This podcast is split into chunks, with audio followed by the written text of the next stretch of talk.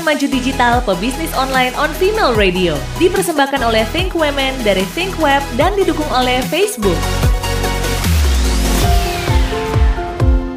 Oke, okay, masih bersama saya Irina Dewi di podcast series Perempuan Maju Digital Pebisnis Online dan kita masih akan ngobrol bersama Nila Tanzil dari Taman Bacaan Pelangi. Kalau di episode yang pertama kita udah fokus ya sama branding, sekarang kita akan bahas lebih dalam mengenai marketing ya.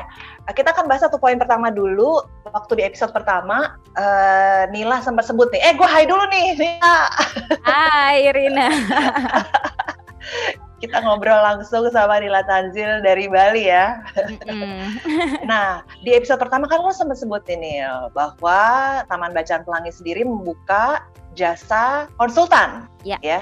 Ini ya. bisa dijelasin nggak? Apa nih jasa konsultan yang lo buka? Iya, jadi salah satu strategi tahun baca pelangi sekarang ini hmm. supaya kita bisa mendirikan lebih banyak lagi perpustakaan perpustakaan anak-anak di Indonesia Timur eh, nggak uh, hanya dari donasi nggak hmm. hanya dari grant gitu tapi kita juga uh, harus kreatif dan berinovasi gitu ya uh, memberikan jasa konsultan untuk uh, untuk perusahaan-perusahaan yang mungkin CSR-nya tuh bergeraknya bukan di Indonesia Timur. Nah, hmm. uh, jadi kan uh, fundingnya tahun bacaan pelangi itu mayoritas dari uh, korporasi CSR CSR perusahaan. Nah, tapi kadang-kadang uh, ada perusahaan yang menghubungi kita dan bilang bahwa tapi kita nggak bergerak di Indonesia Timur, kita maunya bikin perpustakaannya di Indonesia Barat gitu. Hmm, hmm, hmm. Nah, kalau kalau dulu-dulu tuh kita selalu bilang wah nggak bisa gitu ya. Tapi uh, sekarang kita bisa. Jadi tahun bacaan pelangi tetap bisa membantu perusahaan-perusahaan untuk mendirikan perpustakaan uh, lewat CSR-nya di di mana pun. Uh, nah, uh, jadi kayak Taman Bacaan Pelangi itu sebagai konsultannya. Jadi nanti kita yang bikinin, kita yang memberikan pelatihan ke guru-gurunya, uh, terus uh, pokoknya kita bikinin perpustakaan seperti perpustakaannya Taman Bacaan Pelangi tapi tidak di branding Taman Bacaan Pelangi. Oh, nah, gitu. nah uh, nanti uh, semua budgetnya itu sama gitu ya, uh, tapi ada jasa konsultannya. Nah itu untuk operasionalnya Taman Bacaan Pelangi uh, hmm. supaya kita tetap bisa hidup dan bisa bikin perpustakaan-perpustakaan di Indonesia Timur gitu. Oh, wow. Hmm. Jadi lu juga buka ya jasa konsultan. Dia tahun berapa nih? Uh, ini mulai jadi mulai sebenarnya idenya itu udah dari tahun kemarin tapi baru bisa roll out itu tahun ini uh, tahun ini nih sejak pandemi ini pas tahun kemarin itu masih lebih ke CSR CSR gitu sih. Oh oke okay, oke okay, oke. Okay. Hmm. Nah kalau dari segi marketing kayaknya kita harus bahas soal target pasar utama ya dari Taman Bacaan Pelangi. Ya. Karena sepertinya ada dua yang dituju ya, anak-anak pastinya sebagai end user, terus juga urban people, berarti kita-kita yang sekarang ada di kota-kota besar untuk bisa involve. Bener ya? Ya, ya. betul, betul sekali. Jadi targetnya untuk Taman Bacaan Pelangi itu kan kalau target beneficiariesnya adalah anak-anak di daerah pelosok di Indonesia Timur dan juga guru-guru ya sebenarnya karena uh, uh, karena untuk uh, menumbuhkan minat bacaan itu bisa dibentuk dari sekolah dan juga di rumah. Jadi kalau di sekolah itu siapa yang bertanggung jawab? Guru-guru. Jadi guru-gurunya Taman Bacaan Pelangi berikan pelatihan, pelatihan okay. guru uh, lalu orang tua juga untuk di rumah ya intervensi di rumah itu orang tua orang tua juga kita kasih uh, series of workshop Hmm. Tuh.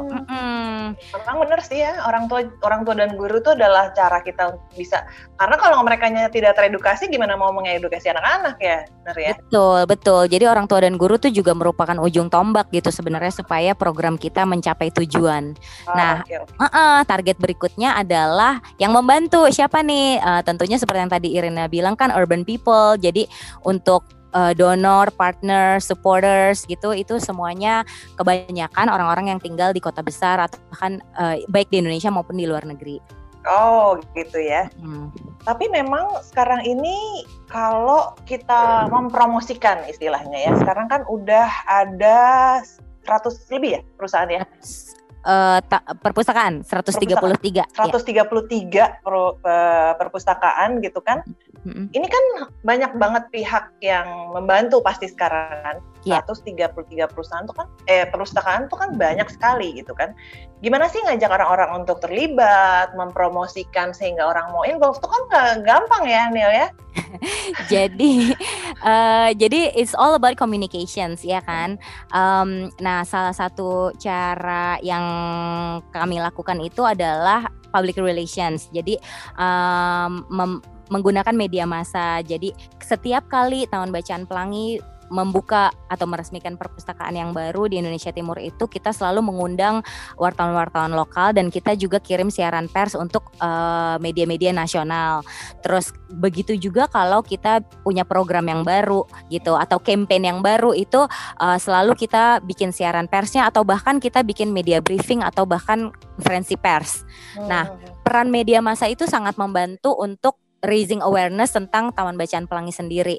Itu hmm. adalah strategi yang menurut aku tuh uh, penting banget dan itu selalu kita lakukan. Hmm. Selain itu, mm, selain itu kalau promosi uh, ya lewat sosial media, tapi uh, Taman Bacaan Pelangi sih nggak pernah pasang iklan gitu ya. Jadi benar-benar pakai pakai public relations dan uh, digital media. Hmm, karena karena memang sifatnya sosial ya, mungkin ya. Jadi kan iya. aneh juga kalau ada iklan gitu mungkin gitu ya. Jadi lebih ada, mengandalkan be, belum ada uh, be, iya belum ada budget juga sih untuk uh, bisa pasang iklan, Bo. Iklan mahal ya? kan? Oh, oh. Instagram ad nggak terlalu mahal loh, Nil. Oh iya sih. tapi tapi kita masih masih ini sih pakai yang gratisan itu. Oke, okay, gratis. Oke, oke, oke. Yang penting kontennya bagus ya, kan. Nah, itu juga satu yang penting tuh ya, Femalicious ya. Konten harus bagus ya supaya awareness orang sama brandnya juga makin besar. Oke, okay, tadi kan ngomong soal 133 perpustakaan. Ini yang mengelola siapa aja sih, Neil? Apakah karyawan, volunteer, atau gimana? Ini kan melibatkan berapa orang nih sekarang? Kalau ada 133 perusahaan, ada berapa orang nih total yang involved? Uh, ada banyak sekali. Nah, tapi kan sebenarnya perpustakaan-perpustakaan yang tahun bacaan pelangi dirikan itu di sekolah-sekolah, di SD-SD. Jadi uh, yang mengelola itu adalah guru-guru di sekolah-sekolah tersebut. Nah, uh, tapi salah satu strategi lagi nih yang kita lakukan adalah kita melakukan advokasi yang kencang banget ke ke uh, kepala dinas pendidikan di masing-masing kabupaten. Uh, oh. Jadi kita advokasi untuk adanya dedicated librarian untuk oh. di hire dan ditaruh di sekolah-sekolah yang mitranya Taman Bacaan Pelangi gitu dan itu si pustakawan atau pustakawatinya itu dibayarnya bukan sama kita tapi dibayarnya oleh pemerintah uh, dinas tempat atau oleh sekolah pakai dana bos gitu. Nah, uh, tadi kan aku juga udah bilang bahwa Tahun Bacaan Pelangi juga melakukan pelatihan guru. Jadi ini satu paket ketika kita bikin perpustakaan di sekolah, itu juga termasuk pelatihan guru. Nah, yang dilatih itu selain semua gurunya, jadi guru dari kelas 1 sampai kelas 6, termasuk kepala sekolahnya juga dilatih dan juga si pustakawan yang baru di hire itu juga dilatih. Nah, pelatihannya ini benar-benar detail banget dan lama sih uh, seminggu. Seminggu. seminggu lebih kadang-kadang kalau misalnya ininya pesertanya banyak ya. Oh, oke okay, oke. Okay. Mm -hmm. Ini kita uh, mungkin nggak usah terlalu detail soal yeah. bentuk pelatihannya. Yeah. Apa aja nih yang dilatih nih, uh, Neil? Okay. Kalau tadi kan nah. ngomong soal guru, soal pustakawan juga, uh -uh. dan juga kepala sekolah gitu. Apa mm -hmm. aja yang latihan yang, bentuknya seperti apa? Yang dilatih itu jadi tiga hari khusus tentang manajemen perpustakaan, bagaimana mengelola perpustakaan ramah anak yang baik gitu. Terus empat hari itu khusus tentang berbagai program literasi yang bisa dilakukan di perpustakaan. Jadi berbagai kegiatan membaca, misalnya storytelling, membaca lantang, membaca bersama, yang gitu-gitu. Nah, oh, okay. kenapa kita adakan pelatihan ini? Hmm, yang khusus tentang kegiatan membaca ini karena kita lagi-lagi kita advokasi lagi nih untuk adanya mata pelajaran khusus ke perpustakaan masuk dalam oh. kurikulum sekolah. Uh -uh. Jadi di semua sekolah yang ada perpustakaan tahun bacaan pelangi itu ada mata pelajaran khusus Bo ke perpustakaan satu jam per minggu per kelas. Wah, kalau ya? zaman gue sekolah apa ada program ini gue nggak pernah bolos iya. enak tau di perpustakaan. Iya dan itu kejadian emang bener loh kayak anak-anak itu ya lucu banget deh.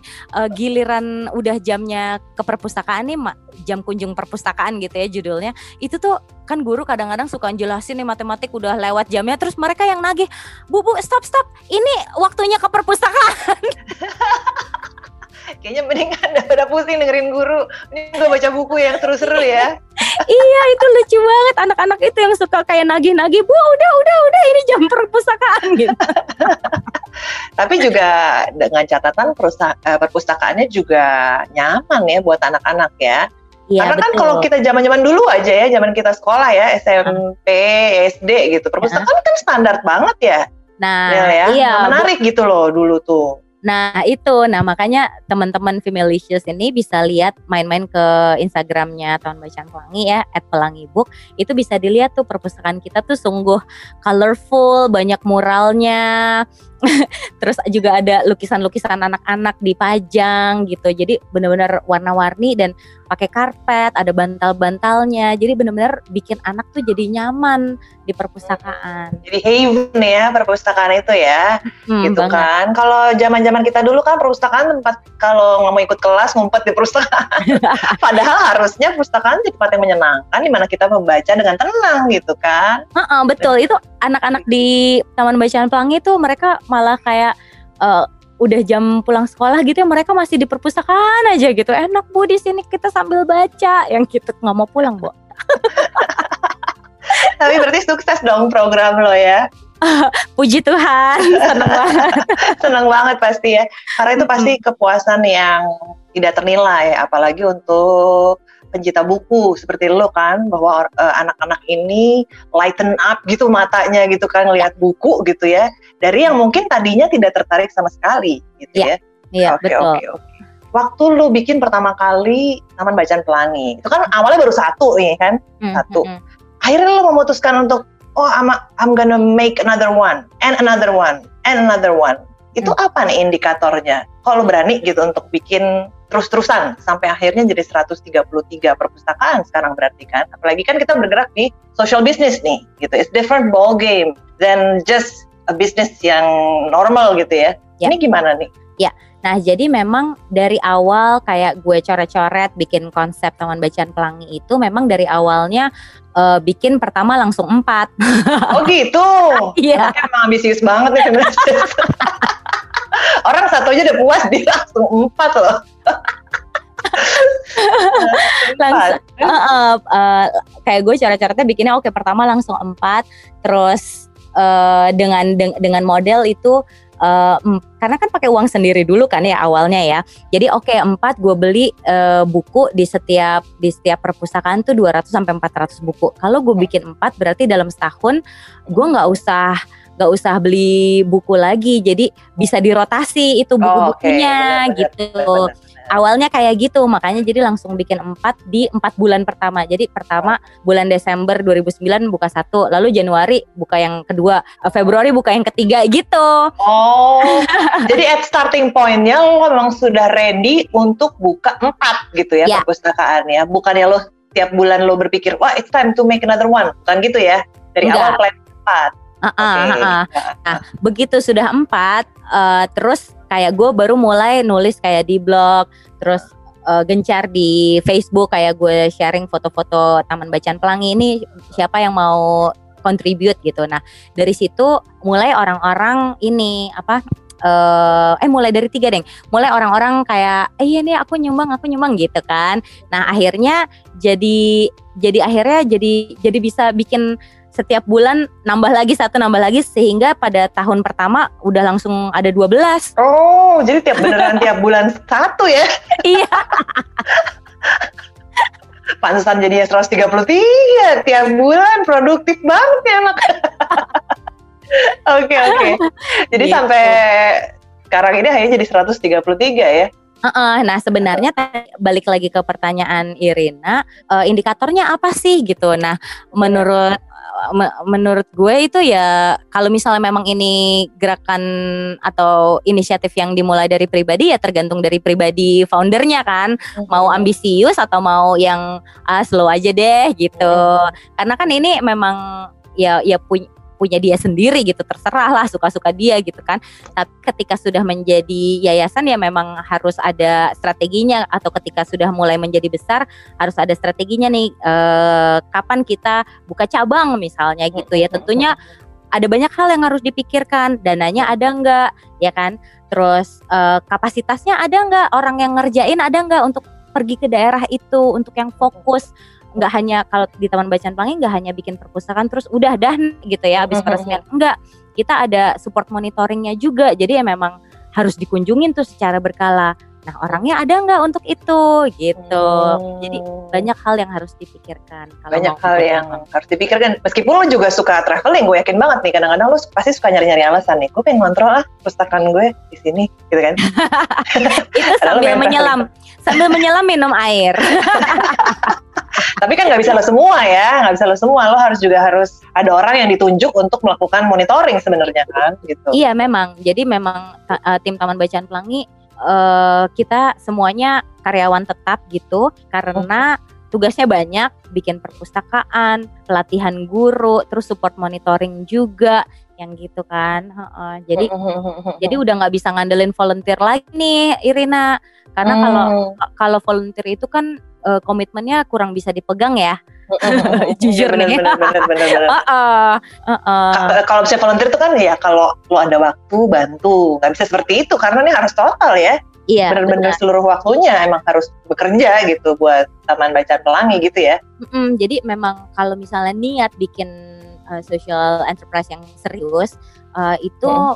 Harus uh, mau nggak mau harus dipikirin emang harus invest di karyawan tetap. Kalau misalnya memang mau serius ya dan mau jadi lebih besar lebih besar lagi. Hmm. Gitu. Oke oke oke. Berarti itu tuh berarti ya.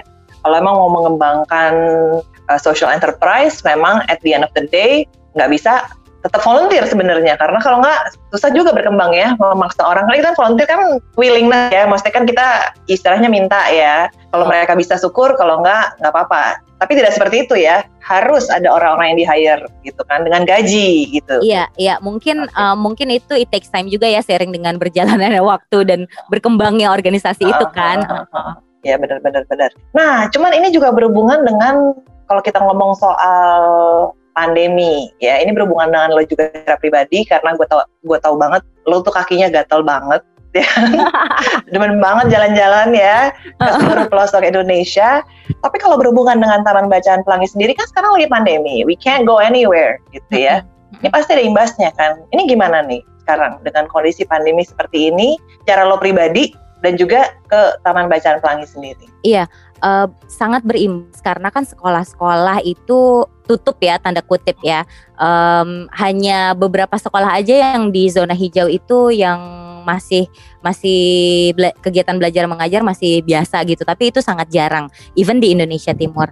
Nah uh, di awal-awal pandemi ini terjadi itu di bulan Maret itu uh, pertama tuh sekolah di Indonesia Timur belum tutup. Jadi kayak sekolah di Jakarta dulu tutup Nah, akhirnya kita memanfaatkan si window yang sangat sempit itu untuk mengedukasi anak-anak tentang uh, ini health literacy. Jadi bagaimana cara mencegah supaya tidak terkena corona uh, virus corona. Jadi kita sebarin poster-poster edukatif di kelas-kelas gitu dan itulah yang menjadi uh, medium untuk guru untuk menjelaskan supaya anak harus cuci tangan, pakai sabun yang segala macam. Nah, karena uh, nah itu tugas pertama tuh uh, tim di bulan Maret. Lalu setelah itu pertanyaan kedua ini sampai kapan sekolah tutup gitu kan? Bagaimana nasib anak-anak yang ada di pelosok-pelosok yang nggak ada internet? Sementara kayak anak-anak gue di Jakarta udah langsung switch ke Zoom gitu kan. Sementara mana bisa gitu di daerah-daerah di mana kita beroperasi. Nah, akhirnya kita bikin program paket belajar di mana kita membagikan learning materials ke anak-anak yang tidak memiliki akses internet gitu. Jadi hmm. uh, langsung switch tuh karena nggak bisa bikin perpustakaan, langsung switch programnya fokus tim fokus di uh, pembagian paket belajar itu. Nah, ini karena memang uh, akses internet juga nggak ada di sana, berarti diantarkan diantarkan secara khusus gitu materinya? Iya, ya, oh, diantarkan. Okay. Nah, ini uh, di sini kita juga uh, mengandalkan guru, guru-guru uh -huh. uh, sekolah mitra kita dan juga volunteer. Volunteersnya uh -huh. tuh kayak para pegiat literasi yang ada di daerah-daerah tersebut gitu. Ayo bantu oh. yuk gitu. Jadi disebarin uh -huh. tuh uh, so far udah lebih dari 4000 uh, paket oh, belajar. Oh, that's nice. 4000 ya. Mm-mm. Tapi kok ini kan pandemi dari Maret ya, uh, istilahnya kalau kita Februari, Januari Februari lah itu kan kita baru dengar dari luar negeri tuh, waduh, yeah. uh, apa COVID-19. Terus Maret udah gerak, berarti yeah. ini keputusan yang sangat cepat dong antara lo yeah. antara pandemi kita PSBB, akhirnya lo memutuskan untuk oke, okay, we have to do this.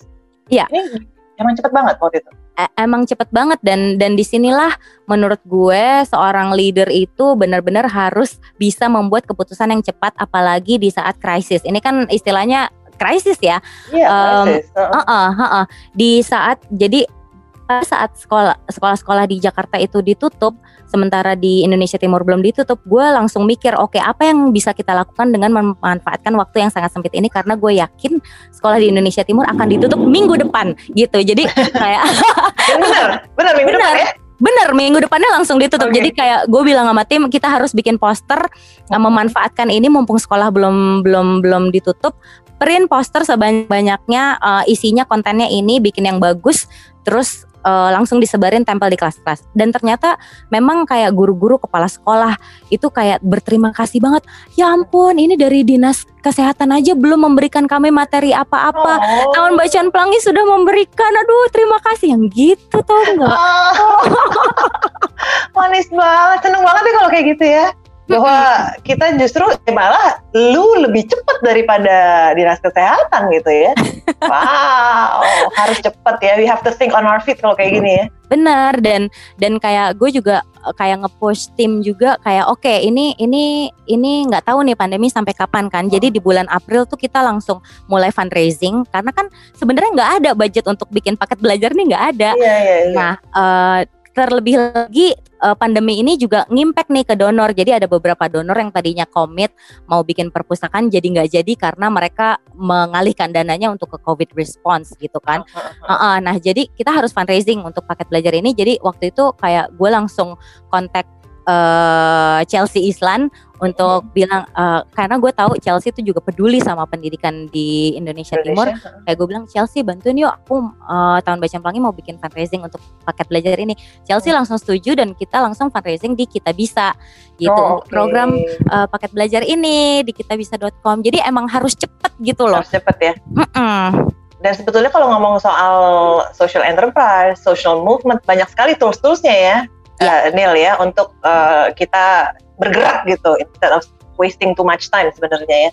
Nah itu, uh, jadi nggak nggak bisa kayak kayak ah nanti aja lah wait and see wait and see jangan uh, gunakan harus bisa mikir cepat apalagi kayak gue tuh bener-bener nggak bisa tidur tuh di awal-awal karena saking mikirin nih anak-anak gimana yang di daerah nggak bisa belajar nih? Waduh kasihan banget what can we do? What can we do? Gitu. Oh, jadi langsung oke oke oke oke. paket belajar. Uh, paket belajar. Dan itu alhamdulillah dengan uh, fundraising ini ya yang lo adain dari kita bisa Iya itu uh, ya fundraising itu dan karena ini sekolah masih masih libur dalam tanda kutip masih tutup terus uh, belajar dari rumah terus kan akhirnya kita juga apply grant untuk uh -huh. supaya program paket belajar ini bisa jalan terus sampai enam bulan ke depan. Oh, ya. jadi lu nah. juga apply grant ya. Uh -huh. Jadi lu banyak nih ya resourcesnya ya yang sudah secara cepat disiapkan gitu supaya sustainable harus sampai tahun depan lah ya iya harus dicari bu harus dicari ya harus dicari ya iya. dan untungnya di di digital era kayak gini tuh ada beberapa tuh sih yang bisa kita gunakan untuk uh, orang-orang merespons secara cepat. Dan kita akan bahas di episode ketiga, nah kita fokusnya ke digital di situ. Okay. Nah, kalau ngomong soal Taman Bacaan Pelangi, tadi kan udah disebutin, lu sempat apply grant gitu, sempat mm -hmm. fundraising. Tapi kan dana itu kan gimana ya? Harus berkelanjutan dong, ya yeah. kan? Dan makanya lo mendirikan Travel Sparks, bener ya? Supaya yeah. bisa berjalan terus nih Taman Bacaan Pelangi. Mm -hmm. Apa nih Travel Sparks, Daniel? Jadi Travel Sparks ini adalah sebuah social enterprise di bidang travel dengan mengusung spirit travel with a cause. Jadi basically ini seperti travel agent tapi bentuknya uh, uh, social enterprise jadi bermisi sosial. Nah, um, idenya itu adalah to encourage travelers to give back to the local community while they're traveling. Hmm. Nah, yang dilakukan Travel Sparks adalah kita provide customized trip uh, tapi private jadi nggak open trip gitu mm, private trip ke uh, spesialisasinya Flores dan tempat-tempat lainnya di Indonesia Timur ya tapi spesialisasinya Flores dan Sumba terus di itinerary itu misalnya uh, misalnya lo nih gitu Irina mau liburan sama keluarga ah aku ke Labuan Bajo oke okay, jadi berapa hari nah ini customize nih jadi kayak tergantung lo ada waktunya berapa hari? 9 hari kah atau seminggu atau cuma empat hari? Hmm. Kita bikinin itinerary-nya dengan detail, kita urusin semuanya. Tapi ada volunteeringnya di perpustakaan Taman Bacaan Pelangi di Oh, mana nice. Mm-mm. di mana lo sharing oh uh, saya adalah penyiar radio Hah? ngapain aja tuh gitu kan nih jadi lo bisa Oh, orang gila nih ngomong sendiri nih. Gitu. Anak-anak udah gitu lagi. Nah lalu uh, sebagian profit dari travel sports itu goes to Taman Bacaan Pelangi untuk membantu operational cost kita Oh, oke. Hmm. Tapi dengan kondisi kayak sekarang, when people can't travel gimana nih? Nah itu susah. nah itu susah. Jadi jadi waktu waktu ide gue bikin travel sports itu kan untuk me, me- untuk antisipasi terjadi krisis ekonomi kayak waktu tahun 97 itu kan banyak 98 yayasan ya. yang Heeh, Hmm. banyak yayasan yang mati karena emang eh, dana first first budget cut itu pasti dana CSR. Jadi kayak gue pikir, waduh ini harus ada lini bisnis yang membantu nih Taman. Bacaan Pelangi. Makanya gue bikin travel sports karena gue suka traveling. Nah, tapi ternyata COVID ngaruhnya ke pariwisata gitu kan. Iya, habis pariwisata. Iya sedih banget. Nah makanya akhirnya sekarang kita buka juga jasa konsultan itu. Oh, ini juga baru juga berarti ya. Berarti Baru. muncul karena ini juga. Yes betul. Oke. Jadi memang harus bisa berinovasi ya. berinovasi ya. Waduh, benar-benar you have to think fast kalau kayak gini dan actionnya juga harus fast ya, nggak bisa yang kayak aduh gimana nih bengong-bengong dulu gitu langsung aja ya kira-kira yang tercepat gimana nih bisa, bisa membuat uh, sesuatu tuh tetap berjalan pastinya kan kita kan Iya. nggak bisa melupakan anak-anak ini kan gitu kan Heeh, Benar Benar-benar. benar. Oke, eh, Travel eh, Sparks ini tahun 2015 ya berarti ya. Para konsulta eh, lembaga konsultannya udah berjalan dari Yang konsul. awal tahun ya, Iya iya iya. 2020 gitu ya. Baru baru mulai. Nah, ya. baru mulai ya. Kan kita tadi sempat ngomongin soal Travel Sparks gitu kan, tapi lo juga sebut soal lembaga-lembaga lain yang bisa mendukung secara finansial ya, karena pasti pengennya kan Taman Bacaan Pelangi ini selama sampai nanti-nanti ada gitu. Karena gue yakin banget Indonesia kan luas banget ya. Mm-mm. mungkin nanti makin banyak ya yang membutuhkan eh, taman bacaan pelangi. Ya. Gimana sih caranya untuk bisa mengajak lembaga lain untuk ikut mendukung secara finansial gitu kan? Dan selain seperti kita seperti lo tadi bilang lo fundraising lewat kita bisa gitu. Apa nih kira-kira untuk orang-orang yang mungkin bergerak di bidang yang sama, mengajak kerjasama lembaga lain, apalagi bisa mendukung secara finansial lebih bagus. Itu gimana caranya sih? Pertama itu branding itu penting banget ya. Eh, jadi kalau misalnya organisasi atau yayasan kita atau enterprise kita belum dikenal, maka itu akan semakin sulit untuk mengajak external parties to join our cause, ya kan? Benar. Eh, makanya branding itu penting banget dan bagaimana mengkomunikasikan positioning kita, eh, message kita ke publik itu juga penting banget untuk tepat sasaran dan Mm-mm. dan uh, how to deliver itu juga harus tepat gitu. Uh, jadi lagi-lagi public relations itu sangat membantu uh, bagaimana kita engage dengan media dan Mhm. pesan apa yang disampaikan ke media itu benar-benar harus tepat, itu harus benar-benar dipikirkan dan semuanya itu strategi komunikasinya itu harus sesuai. Jadi ketika kita ngomong sama media itu juga harus inline dengan apa yang kita tulis di website, di Hmm. sosial media gitu. Jadi semuanya tuh harus inline. bener-bener inline ya nggak bisa saling terpecah satu sama lain ya meskipun ngomong soal entity yang berbeda gitu ya. Iya benar. Jadi Heeh. uh, uh, kalau kalau uh, kalau di Taman Bacaan Pelangi kita kita engage-nya itu sih dengan media Hmm. dan juga uh, konten dan juga offline offline Hmm. events tuh ya sebelum pandemi ya offline events tuh kita juga suka ikut kalau misalnya ada pameran pendidikan apa gitu itu kan benar-benar kesempatan ya sebenarnya kesempatan untuk uh, tampil dan kesempatan untuk mengkomunikasikan program-program dan misi Taman Bacaan Pelangi Iya, mungkin nih karena lagi pandemi segala sesuatunya kan diadakan secara virtual nih ya. Hmm. Nil, mungkin nextnya bisa bikin secara virtual kali, mungkin udah? itu nanti di sesi ketiga kan ya benar benar benar benar. Gue penasaran banget nih soal ini karena ini pandemi membuat semua strategi jadi berubah gitu kan, ya Ya. kan? Yang tadinya sudah kita rencanakan, misalnya dari bertahun-tahun yang lalu, bikin work plan dari tahun 2019 itu semua jadi nggak bisa dikerjain kan? Tapi bukan berarti nggak bisa, ya? Ya, mungkin cara lain, pakai cara, Cara lain. lain. Ya harus cepat mikirnya ya. Oh, Oke, jangan lupa nih Femalicious, nextnya di episode ketiga kita akan lebih dalam lagi masuk ke digital marketing. Kita masih akan ngobrol dengan Nila Tanzil pastinya sehubungan dengan Taman Bacaan Pelangi. See you on the next episode, oke? Okay? Danila. Irina, thank you. Bye-bye. Bye. Buat perempuan maju, kita semua maju. Perempuan Maju Digital, pebisnis online on Female Radio. Dipersembahkan oleh Think Women dari Think Web dan didukung oleh Facebook.